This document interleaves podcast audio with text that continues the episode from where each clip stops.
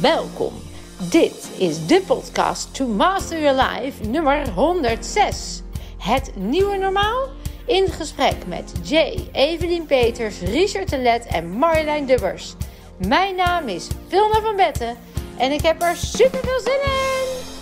Hallo dames en mensen, ik zit hier met een groep zulke waanzinnige, fantastische personen en met zoveel wijsheid en zoveel kennis. Dus ik voel me dankbaar en rijk en speciaal dat jullie de tijd hebben genomen om hier te zijn in een heerlijke mooie ruimte wat vroeger de school was van koningin Beatrix. Dus nog een soort leuke kennis dingetje.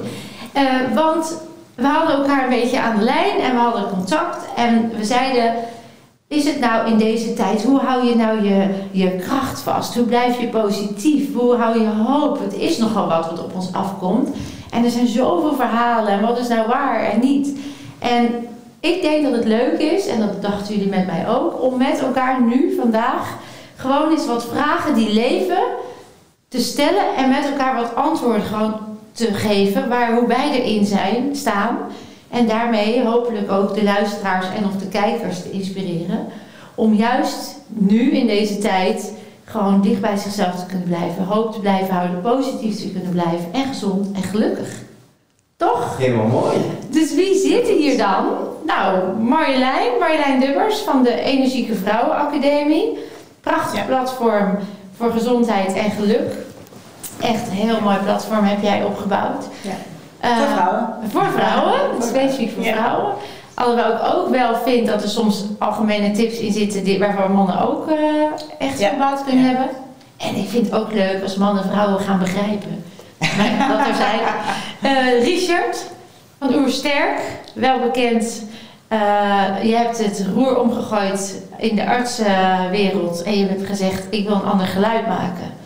Ik vind gezondheid moet voorop. En daarvoor ben jij je Oersterk Academy begonnen, maar ook je hele leefstijlplatform.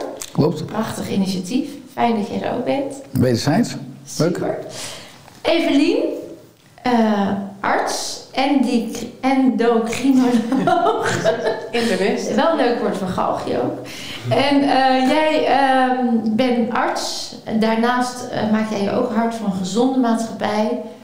Uh, zit uh, in het artsencollectief, bent daar actief in en ook in herstel.nl, omdat je heel graag wil dat we uh, anders op een andere manier kijken naar dezelfde werkelijkheid. Ja. Zeg ik dat goed? Niet terug naar normaal. Niet terug naar normaal, ja. precies. Ook een interessante om straks nog eens even dieper op in te gaan.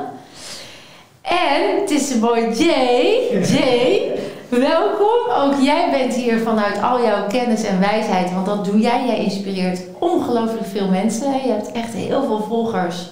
Gewoon door te zijn. Ja. Dat is echt jouw kracht. En daarmee heel veel wijsheid te verspreiden. Ik doe mijn best. Ja, en dat, en dat lukt. Dat doe je goed. Ja. Dus super fijn dat jullie er zijn. Dankjewel. Het idee vandaag is dat we gewoon een aantal vragen die leven uh, random stellen en dan met elkaar in gesprek gaan. Dus is er iemand die zegt, nou ik wil wel een, uh, een vraag er al uithalen. En dan gaan we beginnen. Ik trap hem wel af. Ja. Ja. Let's go. Hij zit alweer zo lang op zijn stoel. Dus, Oké, gaan we checken. Oké, is de eerste. Oké. Okay. Wanneer is iets een medicijn? Waar komen medicijnen vandaan? Oh, er zijn er twee vragen? Ja. Oké, okay, wacht, dan doen we eerst de eerste. Wanneer is iets een medicijn? Ja, ja ik, ben, ik, ben geen, ik ben geen arts. Nee. En ik ben ook geen Oersterk Academy. Ik wil dat niet. Dus uh, dit, is niet, dit is niet de vraag waar ik ga beantwoorden. Nou, het is wel leuk om, als je dat dus niet bent, hoe zie jij een medicijn dan? Ja, juist als leven. Ja, zo ja. Wanneer is iets een medicijn? Ja, als iets mij kan genezen wat ik zelf op dat moment misschien niet zo goed kan. Dat is wat ik denk zie als een medicijn op dit moment. Zoiets. Ja. Dat is een medicijn voor mij. En wat is een medicijn voor jou? Mooi. Ja. Nou ja, wat ik belangrijk vind is dat heel veel medicijnen een basis hebben uh, in de natuur eigenlijk. Ja. En dat als je heel ver teruggaat, dat je Paracelsus had en die zei, uh, het verschil tussen een medicijn of een vergif zit hem in de dosering en niet in wat het is. En dat is, vind ik nog steeds eigenlijk de basis uh, van deze vraag. En dat zie je ook heel goed, of ik zie dat in de dagelijkse praktijk onwijs goed terug. Dat sommige mensen doen het heel goed op bepaalde middelen en andere mensen helemaal niet. En uh, waar komt dat dan door? En dan is het voor de een is het dus wel goed en voor de ander is het minder goed.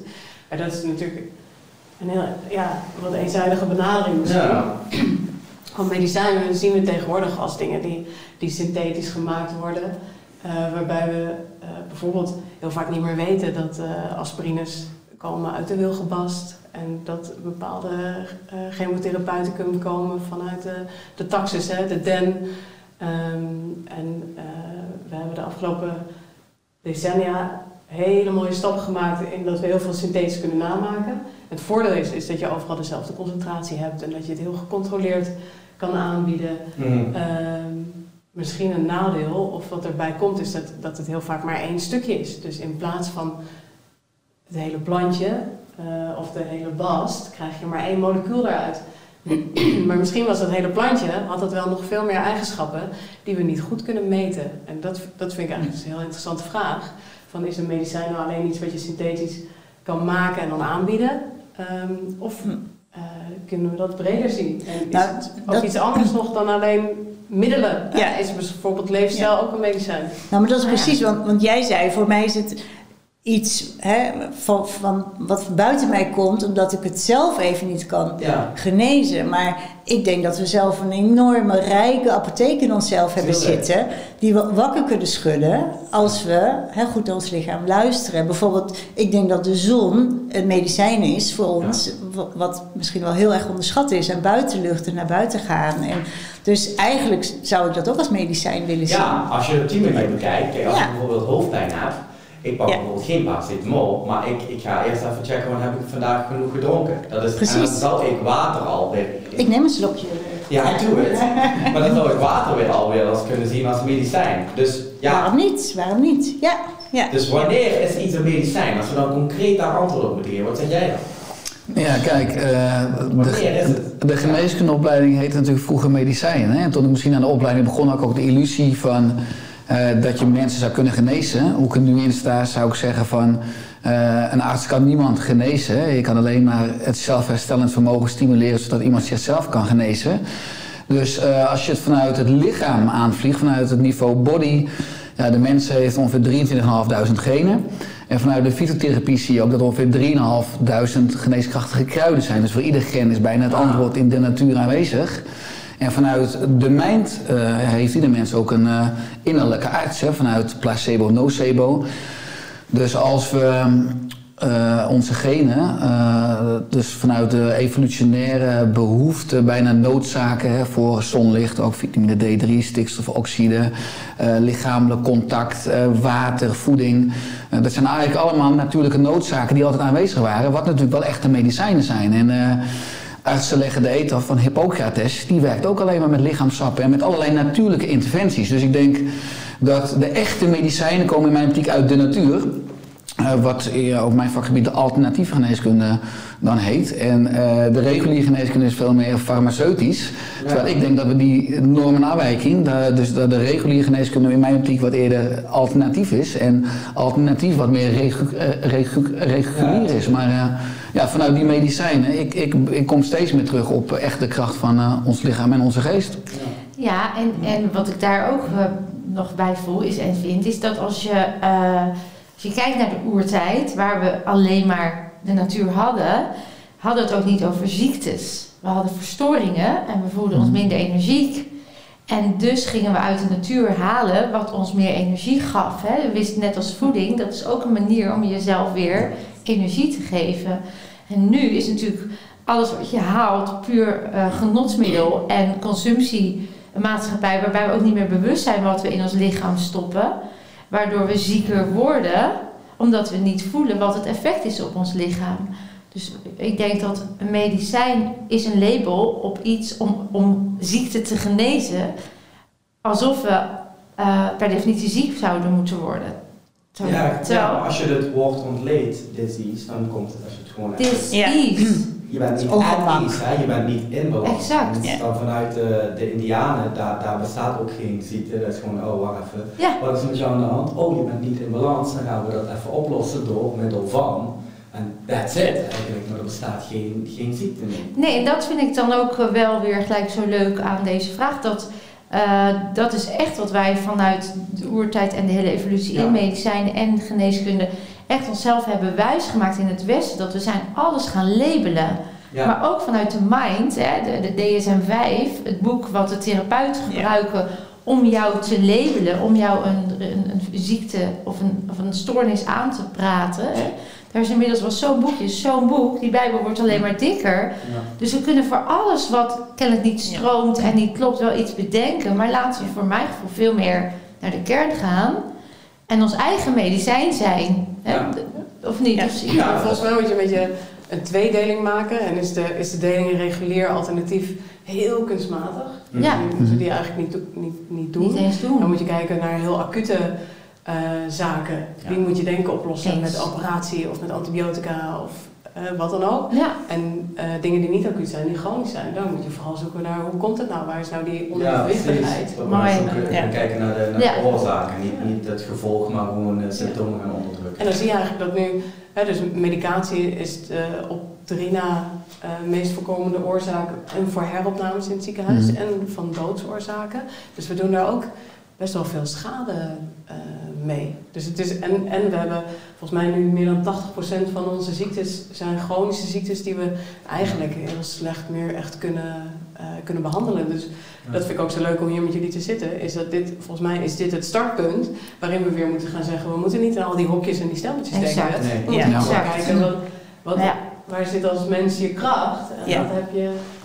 Omdat dat ook is wat jij volgens mij net bedoelde met alles is nu gewoon uh, uniform. En dat past dus niet op maatwerk. Nee, en we zijn heel deductisch. Hè? Dus we zijn uh, de afgelopen decennia gaan kijken naar de, afgelopen, naar de kleinste ziekmakende eenheid. Dan binnen de reguliere geneeskunde. En zo kan je het hebben dat je het met je, met je hart heel goed gaat. Maar mm -hmm. dat je jezelf eigenlijk heel ongezond en ongelukkig voelt. Ja. ja. ja en dan, dan, en dan, dan gaat, het niet lang, gaat het niet lang goed met je hart als je heel ongelukkig voelt. Precies. Dan gaat er uiteindelijk, denk ik, met je hart iets verkeerd. Dan ga je hard achteruit. Dan ga je hard, ja. hard achteruit. Ja. ja. Ja. Ik heb een andere vraag. Oh, leuk. Ja? Kom maar. Ja. Eens even kijken. Uh, hoe gaan we om met de onzekerheden zoals verplicht vaccineren wel of niet, uh, paspoort wel of niet. Um, en hoe kunnen we hier een positieve draai aan geven? Ah, zo even dus alle veranderingen die Alle nu... veranderingen, ja, ja. Die op ons afkomen, ja. Maar ja. die, ja, die, ja, normaal heb ik daar best een, een snel antwoord. Ja, kom op met je snelle antwoord. Ja, ik had jullie net al gezegd dat ik vandaag ook een beetje lastig, een lastige dag heb gehad. Uh, ja, ik heb het net verteld tegen de mensen, maar ook tegen hun, maar ik zal het even tegen jullie vertellen. Uh, in ieder geval, oh, Evelien heb ik nog niet gehoord, nee. maar ik moest vandaag aan mijn uh, management doorgeven dat ik uh, de theatershows niet, ga, niet meer ga doen als het testbeleid doorgaat. Want mijn collega's, die gaan, sommige collega's van me die gaan het wel doen. En ik heb zoiets van, ik ga gezonde mensen, die gaan we niet, die gaan we niet laten testen, dus als ze ziek zijn. Maar theater is tegelijkertijd ook mijn, mijn passie en daarnaast ook gewoon mijn financiële inkomsten. Dat is gewoon, dat is gewoon mijn inkomsten. Dus normaal zou ik zeggen, nou focus je op het korte termijn geluk en weet je, alle negativiteit is nodig om dadelijk weer te gaan naar het positieve, maar ik wil eigenlijk ook gewoon een antwoord van jullie hebben op dit moment. Hoe ga je nou om ja. met dit soort situaties? Ja, ik die kan heel het hard vaker hm. wegstoppen, maar vandaag moest ik het ook aankijken. Want ja, dit is echt klote gewoon. Ja, ja. Dus ja. ja. Maar wat dapper en oprecht en dicht bij jezelf. Ja, Absoluut. Het kan niet anders. Petje kan af. niet anders doen dan, uh, ja. dan dat. Ja. Ja. Maar is dat meteen niet ook het antwoord? Wat we allemaal zouden moeten doen? Ja, weet ik. Maar alleen, ja, ik laat het. Ja, met theater is echt mijn liefde. Dat is mijn grote liefde, snap je? En dat laat je dan los. Zeg maar. Ik moet gewoon zeggen, nou oké, okay, als het op deze manier gaat, dan moet ik gewoon zeggen, ik trek mijn handen ervan af. Maar ja, je ziet, dit is nou, of je je geliefde ziet gaan. Dan denk ik van ja, oké, okay. het is wel beter zo, maar... Ja, doet zeer, hard zeer. Pijn. Ja. ja. ja. Dat is het gewoon. Ja. Ja, dus Snap heel ik. veel respect voor dat je, jij als, ik denk, een van de weinige mensen zo durft echt gewoon die keuze te maken, echt te kiezen. Want dat is mm. vaak wat, wat, wat, in deze situatie, we zijn afhankelijk van geld en we hebben ja. uh, een omgeving waar we dan ook mee te maken hebben. En jij zegt, ondanks dat, nou, ik, uh, Ik doe dat, ik kan dat niet, ik kan niet het aanzien, ik kan het niet uh, hebben.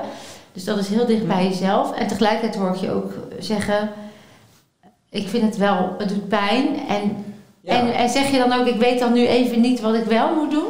Ik, ik weet, dit is gewoon even, dit is het laatste wat ik had, zeg maar. Dat was gewoon mijn, dat was mijn dingetje. En ik ben, uh, voorheen zat ik in loondienst, ik was gewoon boekhouder hier van tevoren. Drie jaar geleden zat ik gewoon nog rustig op kantoor. En uh, ik heb dat allemaal opgegeven om mijn droom achterna te gaan. Nou, dan lukt me dat. En uh, nu moet ik weer zeggen, ah, nee, toch niet. Stop maar. Dus tuurlijk is Nee, dat, dat moet je niet gaan zeggen. Nee, nee voor nu moet ik dat eigenlijk ja, doen. Kijk, ik weet niet wat er gaat gebeuren. Ja. Maar dit is echt ja. mijn gevoel van nu. Zeg maar. ja. Ja. ja. En de vraag is even, en dat, dat is bij al deze dingen, maar het is de, over de tijdelijkheid, hè?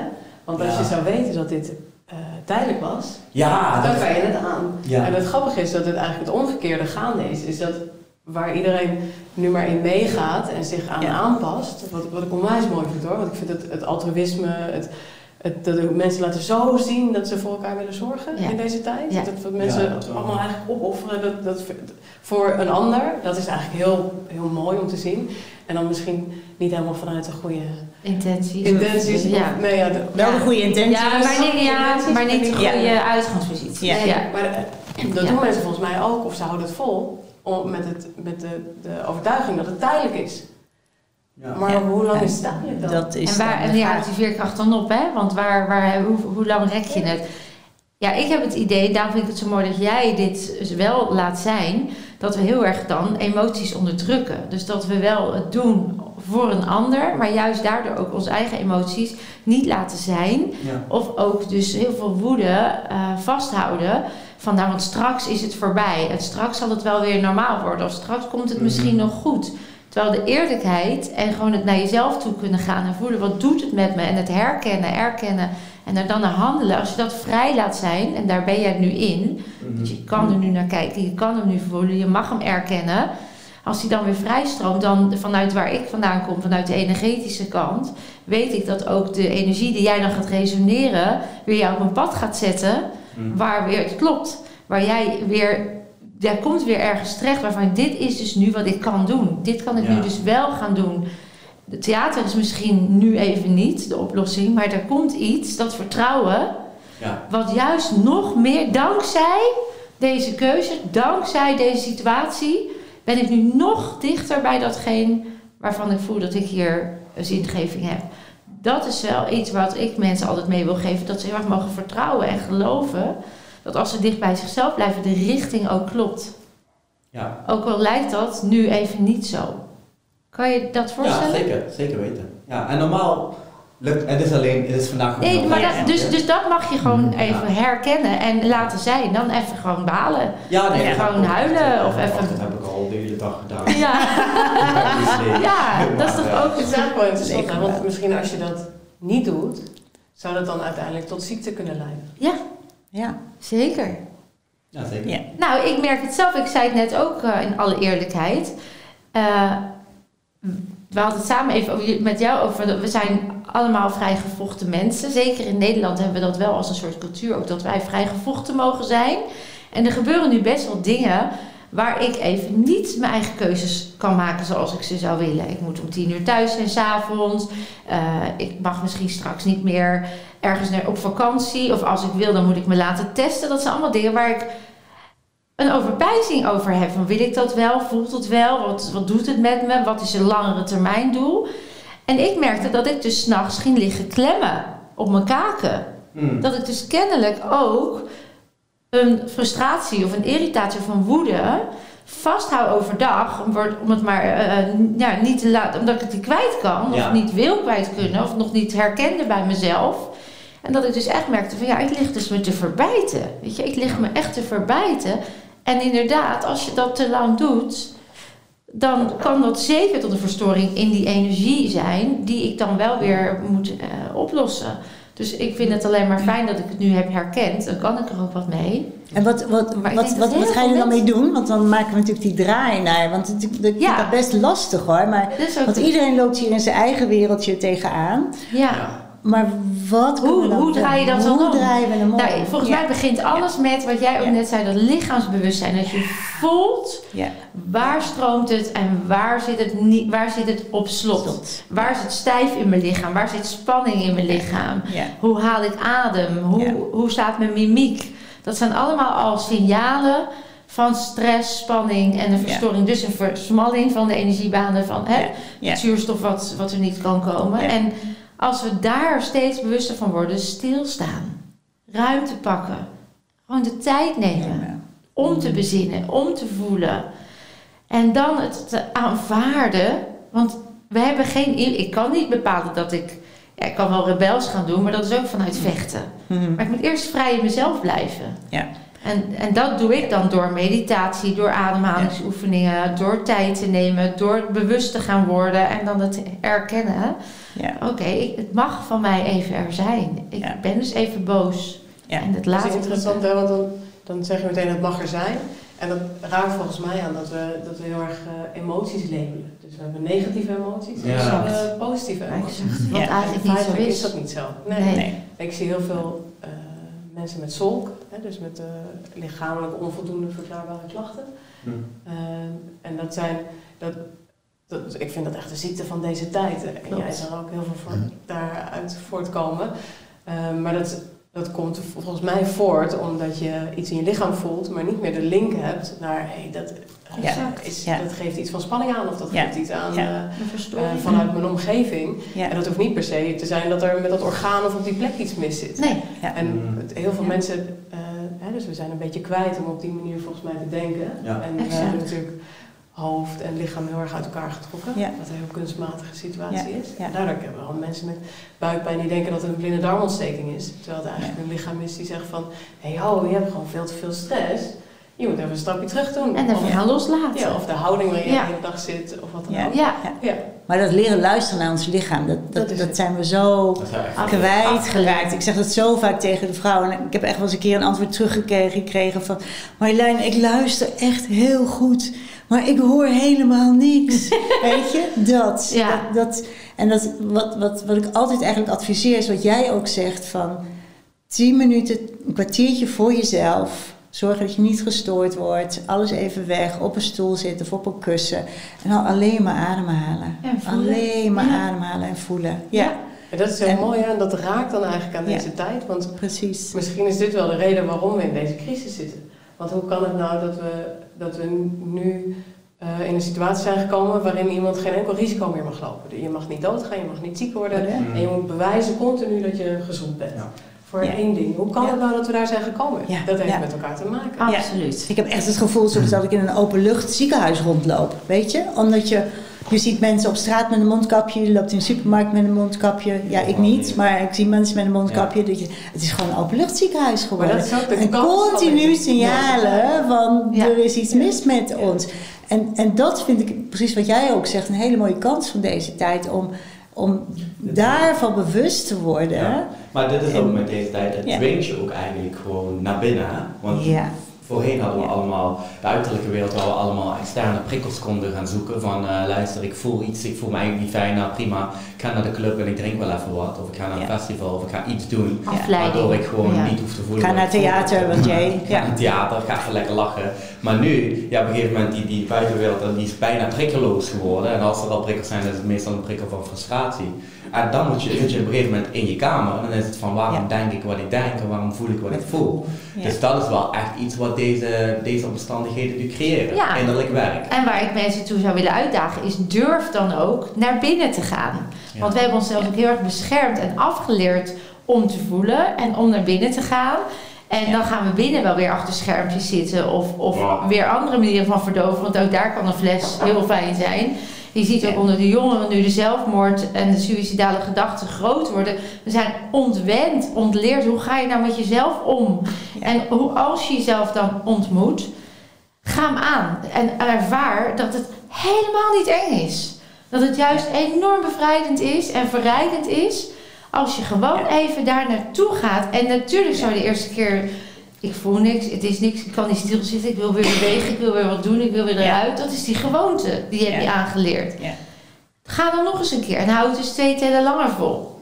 En doe het nog eens en hou het een minuut langer vol. Ja. En dat heet trainen, net als dat je in de sportschool jezelf traint. absoluut.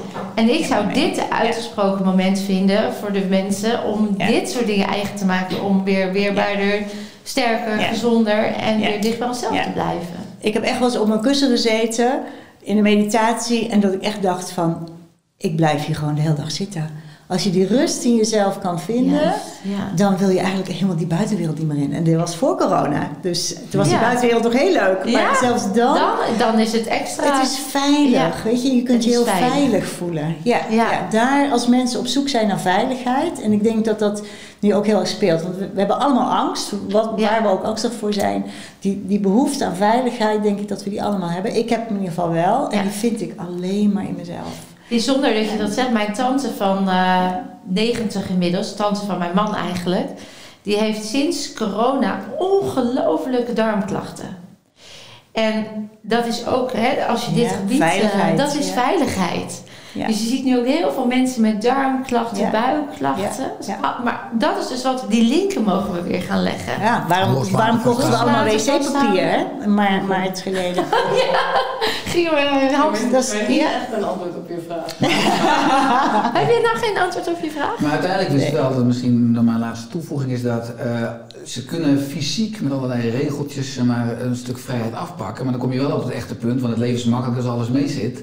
Dat uiteindelijk zit echte vrijheid altijd in je hoofd. Ja, en dat, zijn uiteindelijk, dat kan niemand Precies. Ook zit je Niemand. in de gevangenis. En wat Vilma zegt, ik geloof ook altijd in mijn eigen leven, ook evolutie is groei. Dus Ja. dit ervaar je nu vandaag als een nadeel. Maar over een maand, dus er komen voordelen. Want er bestaat geen nadeel zonder voordeel, weet je. Ja, dus dat is dan weer veranderd perspectief. Ja. En nu mag er zijn, en nu, maar eh, evolutie is goed, dus het wordt beter. Ja, nee, maar daarop wil ik me ook gewoon aan vasthouden. Ja. Daar sluit deze wel goed op aan. Want hoe kijken we over tien jaar terug? Wauw. Tien jaar Mm. terug. Ja. Goeie. Dat ligt er natuurlijk aan een beetje waar we naartoe gaan paraderen. Maar als ik gewoon eh, het beeld wat ik in mijn hoofd heb, is dat we dadelijk terug gaan kijken naar deze situatie. En dat we denken van, wat waren we allemaal aan het doen? En ik heb nu zoiets van, weet je wat het is? Niet alleen de, de situatie waar we nu in zitten, maar de hele wereld, hoe die nu is gebouwd, klopt eigenlijk helemaal niet meer. En we hebben eigenlijk een toren gebouwd, maar die onderste steen die is scheef. En dat, het klopt helemaal niet. Dus medisch niet, economisch niet, onze scholing niet.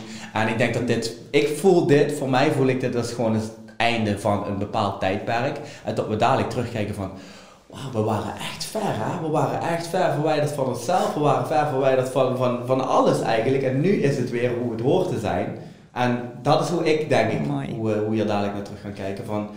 poeh, Het was echt, het was echt, het klopte echt niet Ja. meer. Hè. Nee, maar goed dat het gebeurde is allemaal. Want anders waren we er misschien nooit meer achter gekomen. En waren we allemaal in onze eigen bubbel gebleven. En allemaal geleefd als de Ja. Romeinen. Gewoon, weet je wel, echt gewoon alleen maar zuipen, feesten, eh, geen innerlijke connectie. Verwaarlozing, ja. Verwaarlozing. Ja. Dus ik denk over tien jaar dat we zoiets hebben van...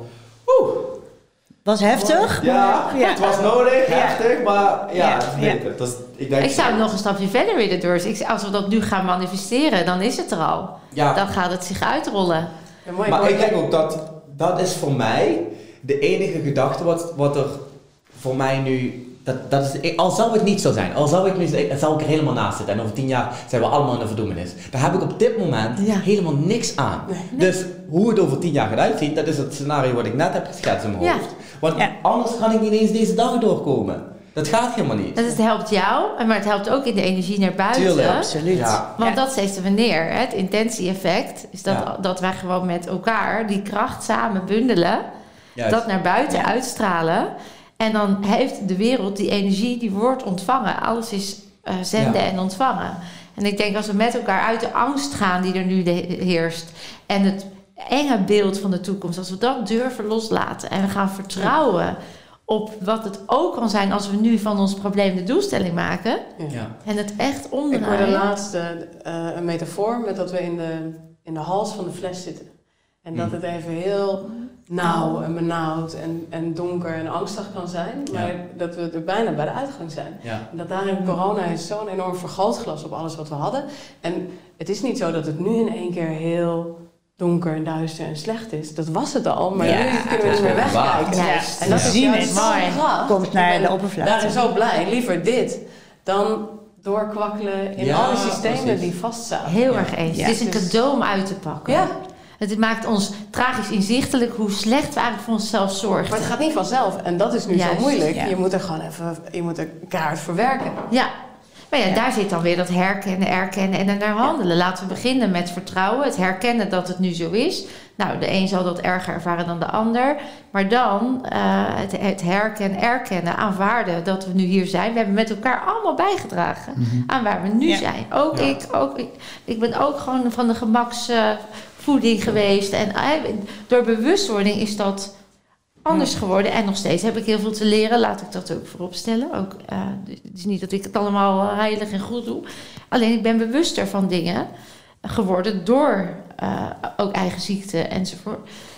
En dan er naar handelen vanuit lange termijnvisie. Dat zou ik nou zo fijn vinden. Dat we met elkaar wat verder denken dan de vier jaar die nu in de politiek steeds Ja. vooruit wordt gedacht. Nou, dat, moeten we dus niet gaan doen. Dus Als we dan gewoon even kijken, hoe kijken we over tien jaar terug? ja, Dan zijn we er denk ik allemaal over eens dat we dan terugkijken op pff, waar we allemaal aan het doen. Beter dat we het nu zo doen. Ja. en wat Ja. En lange termijnvisie, eigenlijk is het heel simpel. Want volgens mij eh, moeten we juist terug naar dat, dat alles wat we doen goed is voor onszelf en voor onze omgeving. Als dat je basis is van alles wat je doet, Ja. dan Ja, dus, dus vanuit chaos ontstaat nieuwe orde, altijd in de evolutie. Er is nu gewoon wanorde, omdat de huidige orde niet meer werkt. Dus ik hoop ook oprecht, volgens mij hoorde ik jou ook net zeggen, dat we vanuit een oude normaal, hè, waar we veel mensen weer naar terug willen, dat we naar een nieuwe normaal gaan. Ja. Dat we ons straks niet meer kunnen Ja. voorstellen dat er een tijd deze oude normaal geweest is met roofbouw en Ja. zowel op de aarde als op ons lichaam, wat ook een, een, stuk, een stukje aarde is. Ja. Wauw, Ja. dat voorstellen, daar haak ik onwijs op aan. Want dat is volgens mij ook de sleutel. Laten we ons voorstellen dat het wel prachtig dadelijk is. Dat we wel allemaal gezonder, gelukkiger, Mhm. eh, bewuster met onszelf en de aarde omgaan. Als we dat ons niet kunnen voorstellen, gebeurt het dus ook niet. Op het moment dat wij het kunnen voorstellen, is het er al. Toch? Ja. En feitelijk is het heel simpel, want, want de meeste dingen waar we nu aan lijden, zijn dingen door overmaat. Door dingen van buitenaf, Ja, eh, die, die, die uit evenwicht zijn. Hè, dus Ja. bijvoorbeeld ehm, eh, suikerziekte, hoge bloeddruk. Eh, het komt allemaal voort uit overgewicht heel vaak. Stress komt Ja. voort uit. Dus eigenlijk moeten we heel veel dingen loslaten en teruggaan naar wanneer voel ik me eigenlijk het allerbeste. En als je dat dan gaat leven, dan word je ook gezonder. Ja, ik denk dat je dan ook de reis van je hoofd naar je hart maakt. Want ik denk dat dat ook iets is wat we gewoon met elkaar nodig hebben. Van dat we, hè, we, zijn allemaal zo getraind en opgeleid en alle systemen om ons heen laten ons zo enorm in ons hoofd zitten. ja. Terwijl de reis naar ons hart, van ja, wat, wat wil ik nou eigenlijk? En wat, wat, wat voor wereld wil ik, hè, waar wil ik in leven? En hoe wil ik omgaan met de mensen om me heen? Hoe wil ik omgaan met de natuur? Dat dat gewoon, ja, voor mij gewoon weer wakker geschud wordt. Met die nu. verbinding. Ja. En, en Ja. dat gebeurt als je die reis naar binnen maakt. Dan Ja. voel je dat. En dan kun je ook weer visualiseren hoe wil je, hè, in wat voor wereld wil je leven en hoe wil je dat dat eruit ziet. Nou, leuk Marjolein, want de vraag die ik net trek, alsof Ja. het dan weer toevallig Ja, ja. is. Hè. Er is geen toeval. Nee, het valt ons toe. Moeten we terug naar het oude normaal? Moeten we dat willen? Of wa en wat is dan dat ideale nieuwe normaal? Het sluit eigenlijk wel naadloos Ja. aan. Ja, maar ja, dat hebben we eigenlijk al Oh, er al, Als we het gewoon heel concreet hebben, Ja. is het eigenlijk het oude normaal. Dat was eigenlijk dat we alles gebaseerd hadden op, op meestal op geld en op macht. En niet, niet verder op, dan dat. En ik denk dat het nieuwe normaal moet elk, elk principe moet draaien om liefde en menselijkheid. Dat is het enige waar, waar we een verschil in moeten maken. En als we dat doen, dan verandert alles. Want als je handelt vanuit, eh, als een dokter handelt vanuit liefde en menselijkheid en niet meer uit geld en macht, maar als een, eh, een leraar handelt uit liefde en menselijkheid, als een psychiater handelt uit liefde en menselijkheid, al, Politicus. politicus uit liefde, maar doe Ja. het maar op elk vlak, dan krijg je een hele andere wereld. Je krijgt, je krijgt hoe, we, hoe we met elkaar omgaan, dat verandert. Je krijgt ons ziektebeeld, is nu ook anders. Het is ook geld, macht, hebzucht, waardoor we welvaartsziektes creëren. Al die dingen is allemaal gebaseerd op geld en macht en ik denk een beetje hebzucht. Van ik wil wel en jij niet. Als die principes veranderen van het woord liefde en menselijkheid, heb je een hele andere wereld. Dan hebben we eigenlijk die wereld wat we net al hebben geschetst een beetje, die krijg je dan, Ja, denk ik. die ontstaat. Die ontstaat vanzelf. ontstaat dus het zijn Ja. basisprincipes. Weer die onderste steen. Die, als die dadelijk anders is, dan verandert alles. Ik zeg hem altijd, we moeten eigenlijk naar een herdefiniëring van groei. Waarin groei niet meer financieel gewin is of Nee. toename, maar waarin groei is toename van het welzijn Zijn. van jou en je ecosysteem. Juist. En Ja. de omgeving om je heen. Ja, ja denk ik. Ja, dus dat is de focus op optimalisatie in plaats van maximalisatie. Die ook in de economie moeten ieder jaar groeien, als een soort tumor. Ja. En uh, ja, ik, uh, ik hoop ook oprecht dat we nou ja, dus naar die nieuwe normaal toe gaan. Ja, ik wil niet het oude meer. Het oude is maar, een stuk. Maar misschien moeten we dan ook stoppen met te denken dat de, wat we nu hebben de kleuren-tv is. En dat we dan, als we dat niet meer hebben, dan een soort wit-tv ervoor in de plaats krijgen. Ik denk dat wij zijn natuurlijk heel gewend geraakt aan al die luxe en comfort en gemak. En we hoeven niks meer te doen voor onze voeding. We kunnen de, de, de chips en de dingen liggen te, verleiding, hè, die is groot. Ehm, maar dat voelt dan als wauw, wat een lekker leven. Alsof je dan de kleuren-tv hebt. En misschien dat de mensen nu het idee hebben van... moeten we dan geen, kunnen we nog geen chips meer eten... en moeten we dan al die lekkere, leuke geneugten van het leven laten staan. Ja, dat hoeft ook wel niet, maar als jouw basisprincipe veranderen, verandert ook dat. Ja. Want als jij op een gegeven moment, als jij steeds bewuster wordt, en ik heb het zelf, ik heb het proces, dat ben ik gewoon, daar zit ik nu nog steeds in. Maar twee, drie jaar geleden bijvoorbeeld was het, uh, ik kon dan echt nog genieten van een goed bord spareribs of zo. En dan dacht ik van, oh ja, dat is echt zo. En nu, als ik aan spareribs denk, dan heb ik zoiets van, ja, maar dat ga ik niet doen nu. Weet je wel, ik wil goed voor mezelf zorgen. En dat, dat is een ander soort van. Dan wil ik nog steeds de luxe, maar de luxe is voor mij dan nu iets heel anders.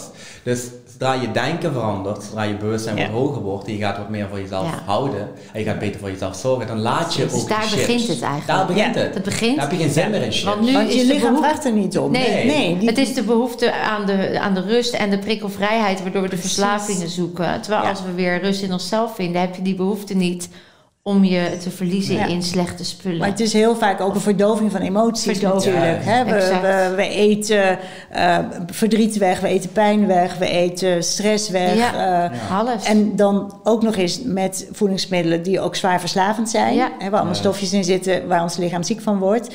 Ja, en dat heb ik natuurlijk, dat is natuurlijk een beetje de kern van mijn bedrijf. Van vrouwen hè, de omslag laten maken naar een gezonde voedingspatroon. En ja, daar heb ik zoveel mooie verhalen van gehoord. Vrouwen die ook dan inderdaad zeggen van...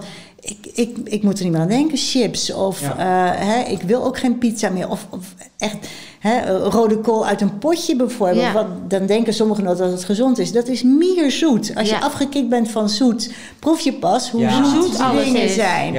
En dan, ik, ik heb verschillende workshops gegeven. En dan vroeg ik ook van, hè, aan vrouwen van... Goh, wie kan dat echt proeven? En wie, wil, wie vindt het gewoon dan vies? Nou, dan gaan er al heel veel handen omhoog. En dan zeg ik tegen die anderen die nog niet zo ver zijn... Van, kijk eens even om je heen. Echt, je kunt afkicken van zoetigheid. Maar dat, dat blijft niet zeuren. Kunnen de mensen op twee manieren doen. Tenminste, voor mezelf heb ik dat ook zo gedaan. Ik ben gewoon begonnen met stoppen met suiker. Om inderdaad eens te voelen en te proeven. Maar ook, uh, dus je kan het twee kanten uit doen.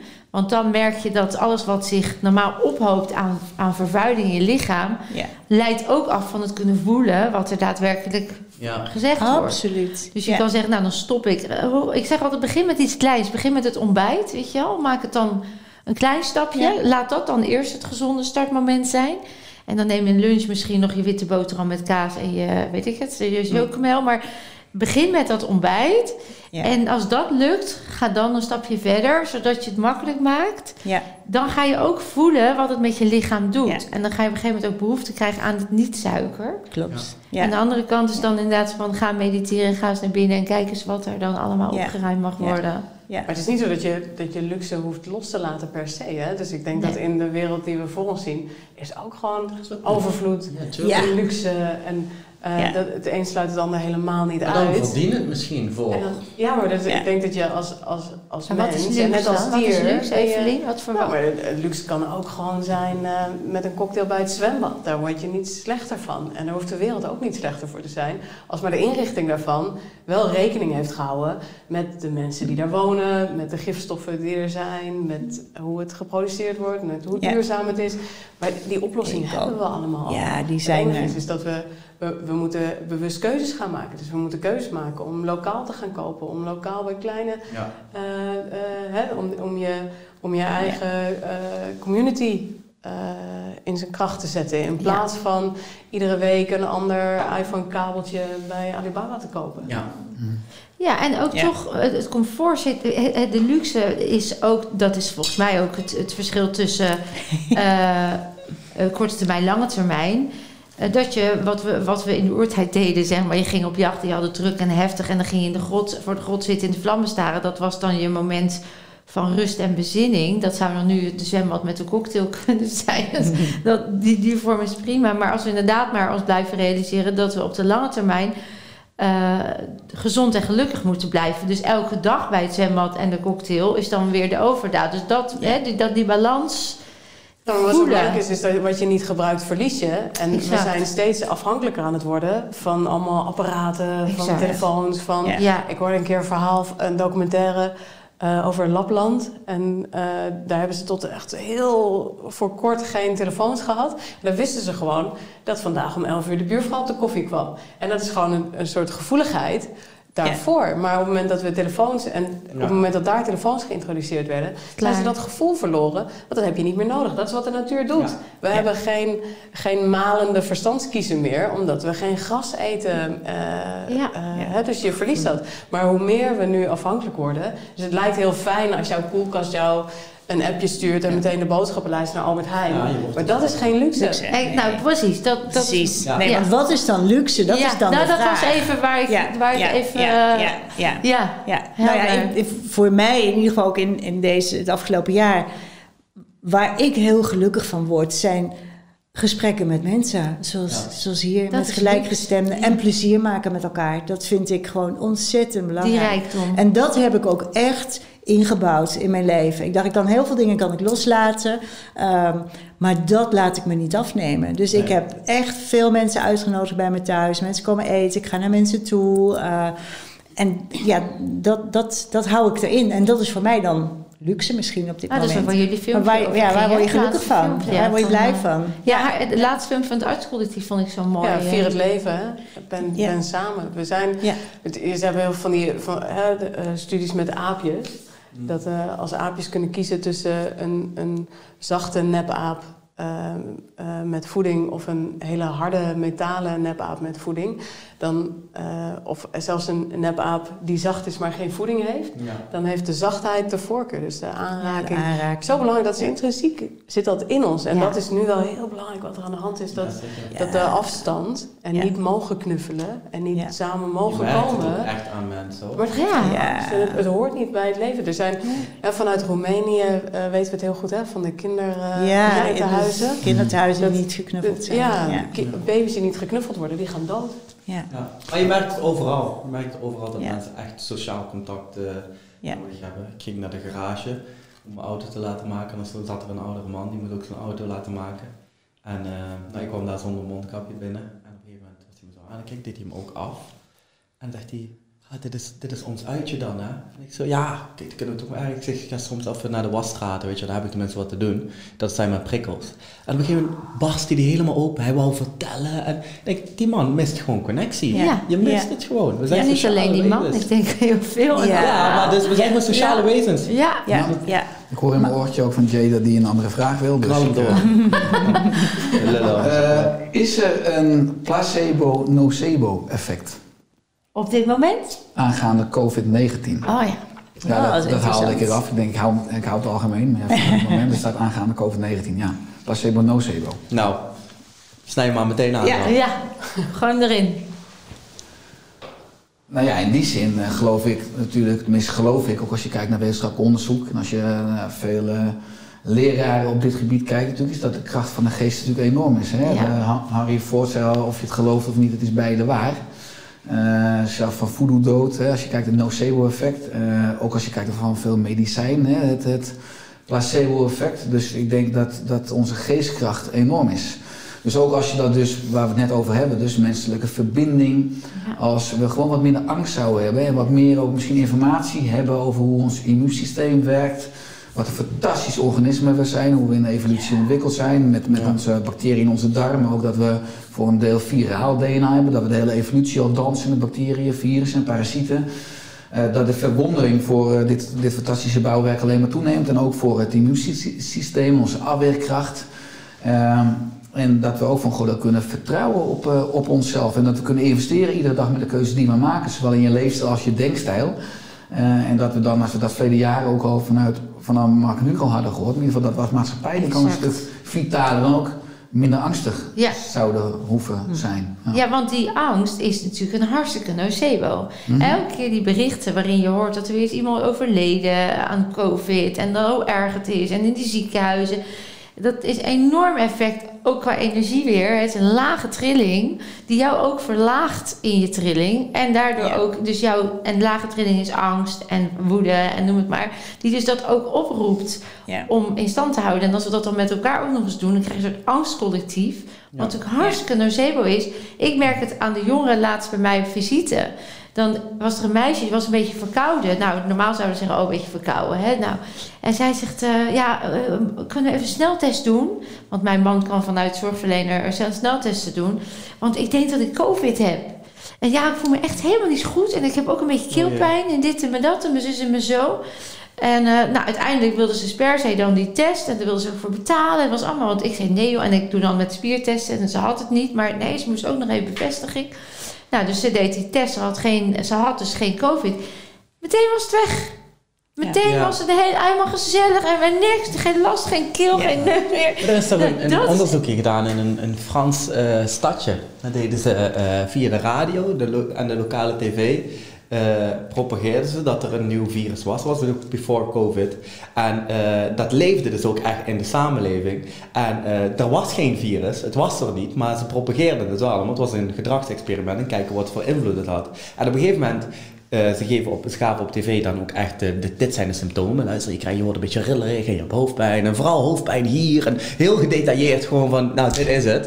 En op een gegeven moment gingen mensen ook echt die symptomen krijgen. Absoluut. Zo als je een collectief bewustzijn, gewoon een, een, collectief denkwijze zo gaat creëren, op een gegeven moment krijgen mensen ook gewoon die symptomen. Dat is precies wat je zegt. van, ja. Uh, nou, er zijn ook echt wetenschappelijk onderzoeken naar gedaan. Hè? Dat, dat hmm. mensen iemand te horen kreeg dat hij binnen zes maanden zou overlijden, want hij had kanker, het was ernstig. En die man is ook binnen zes maanden overleden. En toen bleek achteraf dat dossiers verwisseld waren, dat hij helemaal geen kanker had. Maar weet je wat ik zo voorbeelden van? Weet je, maar weet je wat ik nou zo boeiend vind? Als we, we weten dit allemaal inmiddels. Volgens mij is dit, is dit heel lang al bekend. Iedereen weet het effect van placebo-nocebo. Ik zou bijvoorbeeld verpleiten, ik weet niet of dat zo is hoor, maar dat er in opleidingen waar hulpverleners worden opgeleid, dat die dat meekrijgen in de kracht van taal. Maar ook een, een autoriteit, ja. en Mark Rutte, die weet toch. Ja, maar ja, als we, de, als we die kant op moeten, we weten al veel meer dan dat we eigenlijk kunnen, maar waarom komt dat niet naar buiten? En dan moeten we weer gaan kijken naar financiële belangen en, waar, en geld en mag en hebzucht. Maar we weten eigenlijk al veel meer en we kunnen ook veel meer. Maar waarom komt dat niet naar buiten? Nou, natuurlijk, dat zijn ook wel gewoon redenen. Oké, maar dan zouden we dus kunnen pleiten voor dat we nu met elkaar hier besluiten. Wij gaan dus in ieder geval geloven dat wij uh, weerbaar zijn, dat we bestand zijn. ja. ja. Want dat zou dus enorm helpen als dat iedere dag in het nieuws wordt. Het gaat heel ver en het, het raakt heel erg aan waar we het net over hadden. Is dat wat er nu gebeurt, is dat door die enorme angst, uh, angst hebben mensen iets nodig om aan vast te houden. We zijn zo verleerd om, om iets in onszelf als ankerpunt te hebben. dat we iets van buitenaf nodig hebben als ja. vastigheid. Die afhankelijkheid, en daar komen dan maatregelen om de hoek. Dus mensen willen graag. Dus ik moet wel iets. Hoe stelliger, hoe veiliger het weer wordt. Dus dat houdt elkaar nu in, in stand. Van dus we hebben, ja, we hebben angst en daarom willen we veiligheid. Ja, maar dat is een mindgame.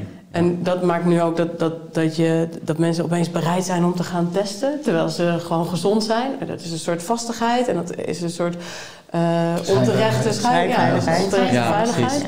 En uh, placebo-nocebo werkt volgens mij weer nog een stapje verder. Is dat als je uh, na drie maanden in een bepaalde stresssituatie gaat het invloed hebben op je genen. En dat noemen we dan ja epigenetica. Ja. En als je kijkt naar cortisol, hè, dat is een, een uh, afschrijvingsfactor, transcriptiefactor voor één op je vijf genen. De cortisol is je stresshormoon natuurlijk. Dus als je drie maanden een hoger niveau hebt, ga je andere genen afschrijven. Een heel mooi onderzoekje uh, was bijvoorbeeld dat... Nou ja, dat onderzoek met de muizen uh, kennen we allemaal. Hè? Dus dat voor muizen is een, is een enorme stressfactor, is, is een hele kleine ruimte, claustrofobisch ja. zijn. En als je, uh, je kunt muizenfamilies kopen die allemaal een borstkankergen hebben. Dus allemaal krijgen ze borstkanker. Mm. En dan deel je die familie op. En één kreeg, kreeg je een fantastisch muizenleven met veel vriendjes en eten en ruimte. En de ander zet je in een heel claustrofobisch klein kooitje in zijn eentje. En dan zie je dat ze uiteindelijk allemaal borstkanker uh, krijgen. En maar diegenen die in dat hele kleine kooitje in hun eentje zitten, die krijgen het veel agressiever, gaan eerder dood, zijn eerder uit dan die andere, zelfde gen. Ja. ja, precies. Dus het gen is niet zo interessant, het is de omgeving, die maakt. Ja, tuurlijk. Ja. Ja, maar stel je voor. invloed op die omgeving. Maar stel je voor, als, als, een, eh, als een man als Richard uh, zendtijd zou krijgen uh, op nationale televisie, een uur per dag, dan liep dadelijk iedereen zo rond van, hey, ik kan alles, weet je, ik ben nergens. Maar dit is maar net, dit is de voeding die we krijgen, snap je? en daar, daar ja, en daarom is het ook zo belangrijk dat wij hier met elkaar, dat we met elkaar, niet wij, maar een gezondheidscollectief uitstralen. Dat, we allemaal hè, in dat vertrouwen stappen. We, zijn, we kunnen meer dan we denken. We zijn weerbaarder dan we denken. We kunnen met onze mind, met onze voeding, met leefstijl, maar ook energetisch gewoon zoveel positiefs veranderen. En kennelijk, om wat voor reden dan ook, gebeurt dat niet waarop wij denken dat het handiger zou zijn. In ieder geval meer effect zou hebben. Dus wat zouden we dan nu, hè, voor de mensen die nu luisteren, kijken, die ook in dit soort vragen zitten en denken hoe dan en, en, en uh, wat kan ik dan? Wat zouden we dan nu concreet, gewoon ter afsluiting van deze mooie, mooie, mooie gesprek, zullen we gewoon het rijtje eens afgaan? Wat zullen we dan voor een gezondere, weerbaardere, positieve, duurzame mens en planeet? Zo, dat is mijn kleine, ja. klein vraagje. Doe even een rondje. Nee, zullen we jou beginnen Marjolein? Ja, jeetje, ja. Ik heb natuurlijk, nou ja, je noemt ze eigenlijk allemaal voeding, leefstijl, mindset.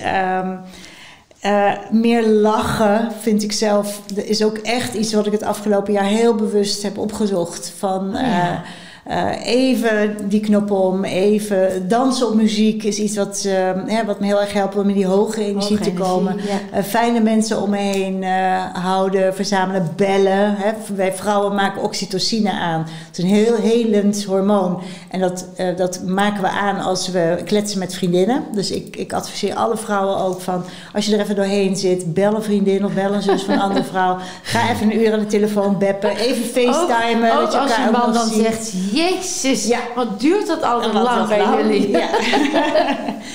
ja, dat soort, gewoon ja, je energie hoog houden. En, en dan kom je toch weer uit op dat voelen van wat zorgt ervoor dat, want dat is voor de ene vrouw of voor de ene mens natuurlijk anders dan voor de ander, maar wat houdt jouw energie hoog? Waar gaan jouw ogen van stralen? Waar krijg jij een glimlach van op je gezicht? Uh, en dat nu zoveel mogelijk proberen in te bouwen in je leven. Ja, spelen met je kleinkinderen, je hond knuffelen, whatever. Wat het voor jou is. Ja. En, Doe het. En jezelf echt, echt, ja, heel veel van jezelf houden. En daar heel goed voor zorgen nu. Oké. Ja, ja, en dat dan vooral vasthouden hoe de wereld er ook uit gaat zien. Ook al wordt het allemaal heel mooi, maar dat vooral blijven vasthouden. Daar blijven, even bij jezelf. Dicht bij jezelf, bij je eigen hart. Ja, ja. lief zijn voor jezelf. Want dan gaat de rest, ja. En dan, ja, dan, dan, dan zijn wij het wel over elkaar eens. Dan kom je ook in een positieve vibe. Dan zit je in die hoge energie en dan komen de mooie dingen ook op je pad. Dat, uh, Daar ben ik echt van overtuigd dat ja. het zo werkt. Uh, ja. alles is energie. Alles is energie. Ja, ja. Ja. Wauw. Nou, gaaf. Dus misschien trekken we die hele mooie wereld waar we het over hadden over tien jaar uh, naar ons toe door onszelf al nu in die hoge energie te zetten. Ik denk dat ja, het, het, werkt zelfs andersom. Dus als jij het al manifesteert, dan is die energie er al. En dan ja. is law of attraction natuurlijk ook. Maar dan is het, dat resoneert. En wat resoneert trekt aan. Ja. ja. Richard? Ja, en ik leef uh, iedere dag volgens de leefstijlklok. Dus ik, uh, als ik morgens opsta, iedere ochtend, ik heb ook een dagboek van wat is mijn doel. Als je een belangrijk doel hebt, ik, ik noem dat, dan is mijn ziel wakker. Uh, ik ga mediteren, dat is mijn mind wakker. Ik douche iedere ochtend koud of ga in een ijsbad zitten in de achtertuin, maar dan is mijn lijf wakker. Uh, iedere ochtend nuchter bewegen. Ik heb twee zoons, ik heb een hond, ik heb acht kippen, altijd in de achtertuin. ik eet pas om 12 uur, dus ik, ik vast. Dan neem ik ook de juiste supplementen. Ik denk ook als je het nu hebt over vitamine D3 onder andere, en magnesium, jodium, selenium. Belangrijke stoffen voor je immuunsysteem. Ja.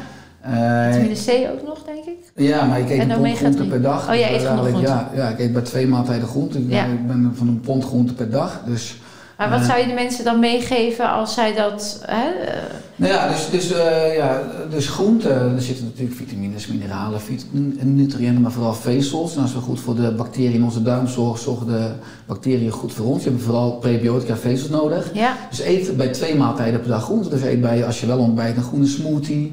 Of bij je lunch een bakje rauwkost of een salade, een kop soep. En s'avonds het liefst minimaal een half bord groente. Maar een pond groente is vrij makkelijk hoor. Ja, als je meer groente gaat eten. Ook als je een rauwe wortel eet of radijsjes of komkommer. Of, ja. Uh, een roerbak eitje even met wat ja. groente. Ja. Het is zo snel, kan je het overal bij doen. Ja.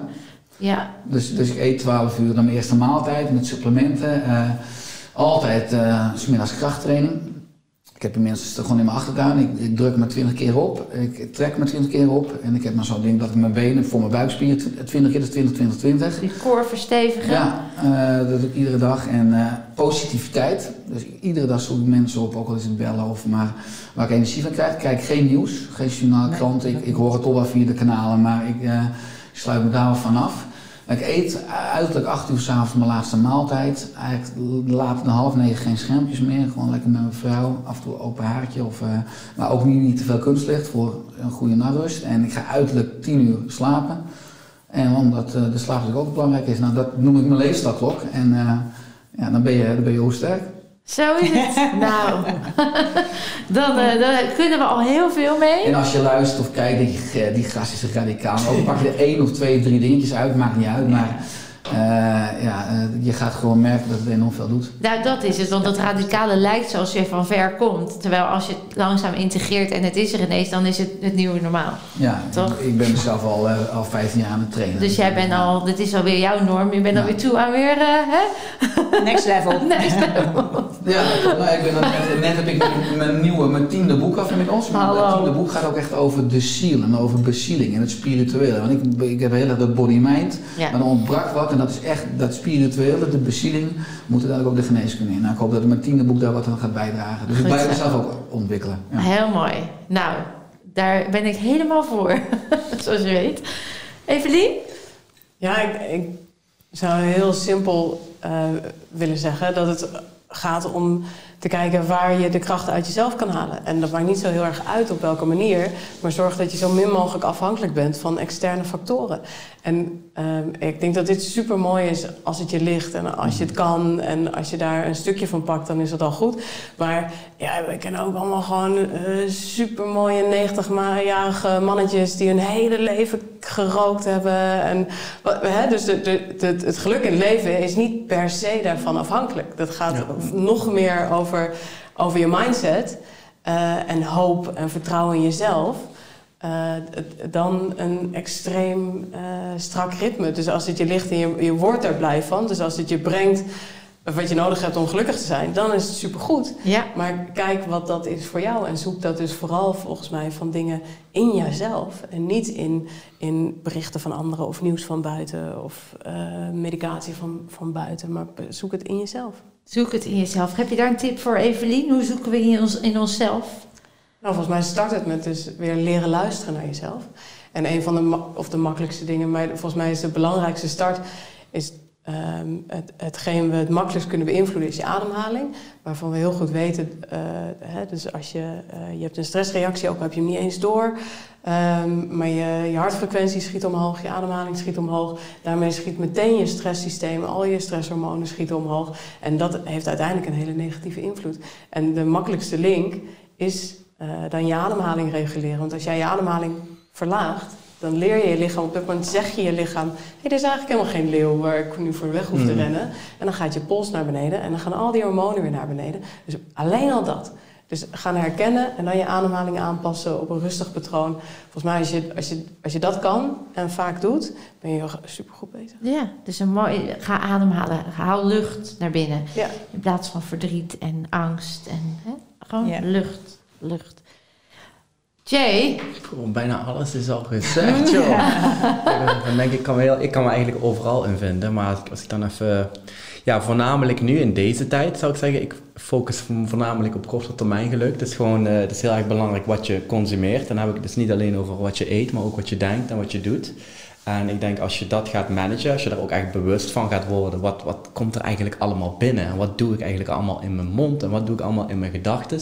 Ga dat dus echt goed filteren en of dat allemaal je nog dient. En kijk ook naar je omgeving, of dat je dat ook nog dient, of dat dat nog gewoon een, eh, een uitkomst is van je oude patroon of van je oude gedrag. Want soms houden we nog vast aan dingen wat ons eigenlijk helemaal niet meer dienen. Zowel voeding, zowel gedachten, zowel vrienden, zowel misschien zelfs familie ja?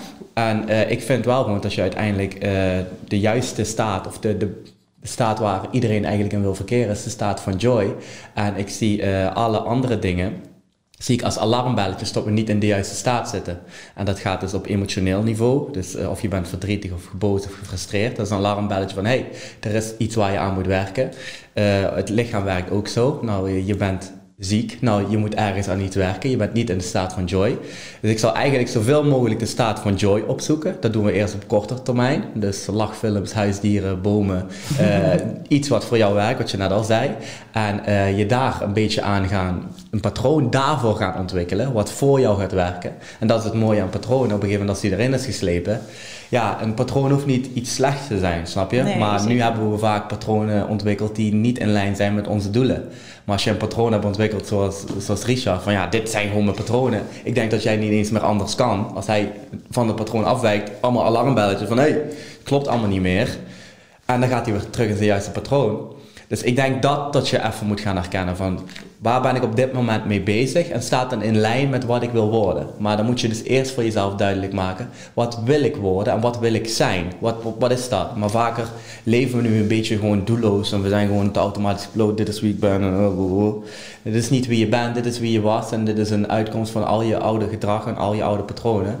Maar ik denk, schrijf eens even op van hoe wil je dat je ideale leven uitziet en ga dan kijken naar je gedrag of dat in lijn zit met elkaar. En ik denk dat je daar al heel veel van kan leren. Dus begin gewoon eens even op te schrijven. En, Bewustwording, ja, bewust Ja, Word bewust van al datgene wat nu in jou leeft. En wat je doet en wat je zegt. En wat wil je? En wat wil je leg dat, daarmee? Leg die twee dingen naast elkaar. Op? Ja. In relatie tot die zingeving. Want dat is dan dus...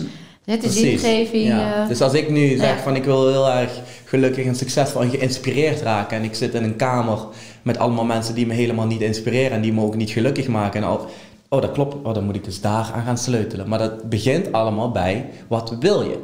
Doe dat. Want ja. ik denk dat we daar allemaal, ja, dat doen heel weinig mensen van, wat wil ik nou eigenlijk in dit leven? Ja. Dan schrijf dat maar eens op. Ja. Mooi.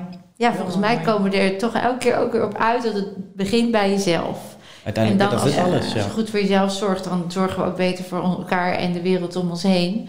Uh, vanuit de energetische kant uh, zou ik nog willen aanvullen dat alles heeft een trilling, alles is energie. Ook corona heeft een trilling, ook uh, gedachte heeft een trilling, ook wat je, wat je voor waar aanneemt. Hè. Dus wat neem je voor waar aan, wat neem je waar, wat neem je voor waar aan.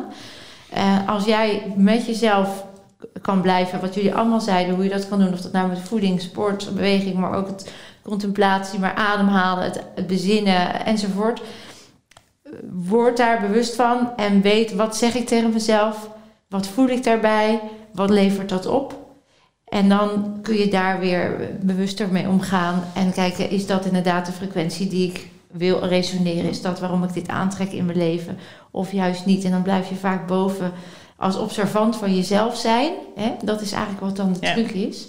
En een van de dingen die ik mensen meegeef om lichaamsbewuster te worden, is naast het ademhalen en het mediteren, is ook de dagelijkse oefening. Daarmee stimuleer je echt je energiebanen om te kunnen blijven stromen en te lateraliseren. Dat is belangrijk, anders kunnen energiebanen niet met elkaar communiceren en ook de hersenhelften niet. Dan gaan we of te veel piekeren of we gaan te veel passief worden. Dus ik wil het eigenlijk afsluiten, als jullie dat ook leuk vinden, met die oefening. En dan kun je misschien gelijk ervaren hoe dat is die weten het waarschijnlijk ja. al. Maar zullen we dit doen? Ja, prima. Nou, gaan we ook de meeste thuis kunnen dan misschien meedoen. Maar we kunnen... op handen staan, begreep ik, hè? Ja, op onze handen en dan water drinken op je kop. Dat is het idee. Maar uh, wat we eigenlijk doen is, je kruist je handen. Want elke kruislingsbeweging activeert de hersenhelft om samen te werken. Ja. Dan tap je onder de sleutelbeen. En dat zijn de niermeridianen. Dus dat is echt je energie, je levenskracht. En dan, uh, het is altijd leuk om voordat je dit doet even te voelen. Hoe zit ik nu in mijn lichaam? Uh, en dan ga je gewoon eens even tappen. En mensen die dit nu dagelijks doen, die zeggen als ze het niet meer doen, ik voel echt verschil in energie. Dan altijd uh, tussen de tieten. Hè? Tarzan wist het al. Die zijn uh, TLC-cellen worden actief, je thymus. Dus dat, is je immuunsysteem, hè? Je immuunsysteem vergroten. Even, even Heel belangrijk, even opkloppen. Je mag er ook nog auwa bij roepen. Dan doen we het uh, onder de borsten, waar bij de dames het BH-randje zit. Ik heb nog nooit zo'n focus mee. maar vooral wat voel je erbij, hè? En dan uh, aan de zijkant de flank, ja. ter hoogte van de tepel. Het zijn eigenlijk allemaal, uh, dat noemen we de alarmpunten van de energiebanen. De, als je die wakker maakt, dan activeer je eigenlijk de energiestroom en je levenskracht in je lichaam. Heel goed. Dan uh, doen we de linker middelvinger in de navel. In en de, navel? In de navel. En de rechter middelvinger op het derde oog. En dan wil ik jullie eigenlijk even laten ervaren wat er dan gebeurt. Als je beide een paar centimeter omhoog trekt. Ja, ik, voel, ik hoor het al. Dan kan het zijn dat je ineens voelt dat je heel diep wil inademen. Ja, ik wou Klopt, doe maar. Doe maar. En dan laat je, en dan zucht dat weer los. En ik durf te beweren dat je meteen voelt dat je meer in je lichaam komt. Herken je dat? Zak je meer in je lichaam zo? Mm Dat komt omdat je de conceptievat en het gouverneursvat samen verbindt. En dan letterlijk is dat hoofd-hartverbinding. Dus mensen die dit doen, het stimuleert gelijk die ademhaling. Maar het maakt ook dat je echt rustiger voelt en meteen in het lijf komt. En nu, ten tijde van corona, zou ik zeggen, masseer nog even je longpunten. Dat is het plekje tussen de schouderkop en het sleutelbeen. Waar ook bij de dames het BH-bandje zit. En aan de andere kant ook kun je ook weer kruislinks doen. Want dan stimuleer je weer die uh, kruislinks uh, communicatie. Nou, ik leer van alles vanaf. Ja, uh, dus heel fijn ook voor je weerbaarheid en je immuniteit. Dus echt je longcapaciteit en je longenergie hoog houden. Dat is een hele fijne. En om die kruislinks uh, nog te stimuleren, kan je met twee duimen omhoog een liggende acht maken. En dan vervolg je die met je ogen. En die uh, doe je de andere kant ook op. Waardoor ik echt zorg dat die linker en die rechter hersencel weer samen optimaal communiceren. Moet even oefenen Ja. nou, toen mijn man in het ziekenhuis lag, deed ik iedere dag bij hem met hem deze oefening. En dan her, activeer je het zelfherstellend vermogen. Okay. Dus je ja. maakt hem eigenlijk sneller beter, want je activeert dat systeem. En dat doen we ook zo. Dus echt alsof je een autogordel omdoet. Uh, kruis links. Oh, hier komt de zoom wel eens. ja, je moet wel, uh, het is gelijk hersengymnastiek. En als laatste even kruis links op de knieën. Kan je zittend staan doen, ook als je in bed ligt en je niet zo goed Nou, even toevoegen aan je, eh? aan je, je dagelijkse ritueel. En dan rits je dicht. En dan zet je jezelf lekker in dat kokonnetje. Die visualiseer je, want die kracht van visualisatie is enorm. Ja. Die sluit je af. Ik ben verbonden met een energetische bron die mij waanzinnig voedt. Die mij alle gezonde cellen geeft. Die zorgt dat ik me heerlijk voel. Helemaal in contact ben met mijn grootste, diepste zelf en mijn universele kracht en hulpbronnen. Ik heb diepe wortels uit mijn voeten. Daar zet ik mezelf stevig mee op aarde. Ik voel me gesteund. En alles wat mij niet dient, laat ik uit mijn voeten via de wortels naar beneden glijden. En dan zeg ik, vandaag is mijn lievelingsdag. En dan kunnen we er weer helemaal tegen. We hebben hoge energie, weerbaarheid en gezondheid. Ik zeg mooi. dank jullie wel. Dank je wel. Dank je. Namaste. Dankjewel. Heel erg bedankt dat jullie er waren. Ik hoop dat jullie uh, geïnspireerd zijn om met al deze prachtige kennis en wijsheid gewoon het beste uit jezelf te blijven halen. En daarmee het beste voor de wereld. Zodat we, wat er ook gebeurt, gewoon zeker weten dat het goed blijft komen. Jij kunt meer dan je denkt. Dankjewel.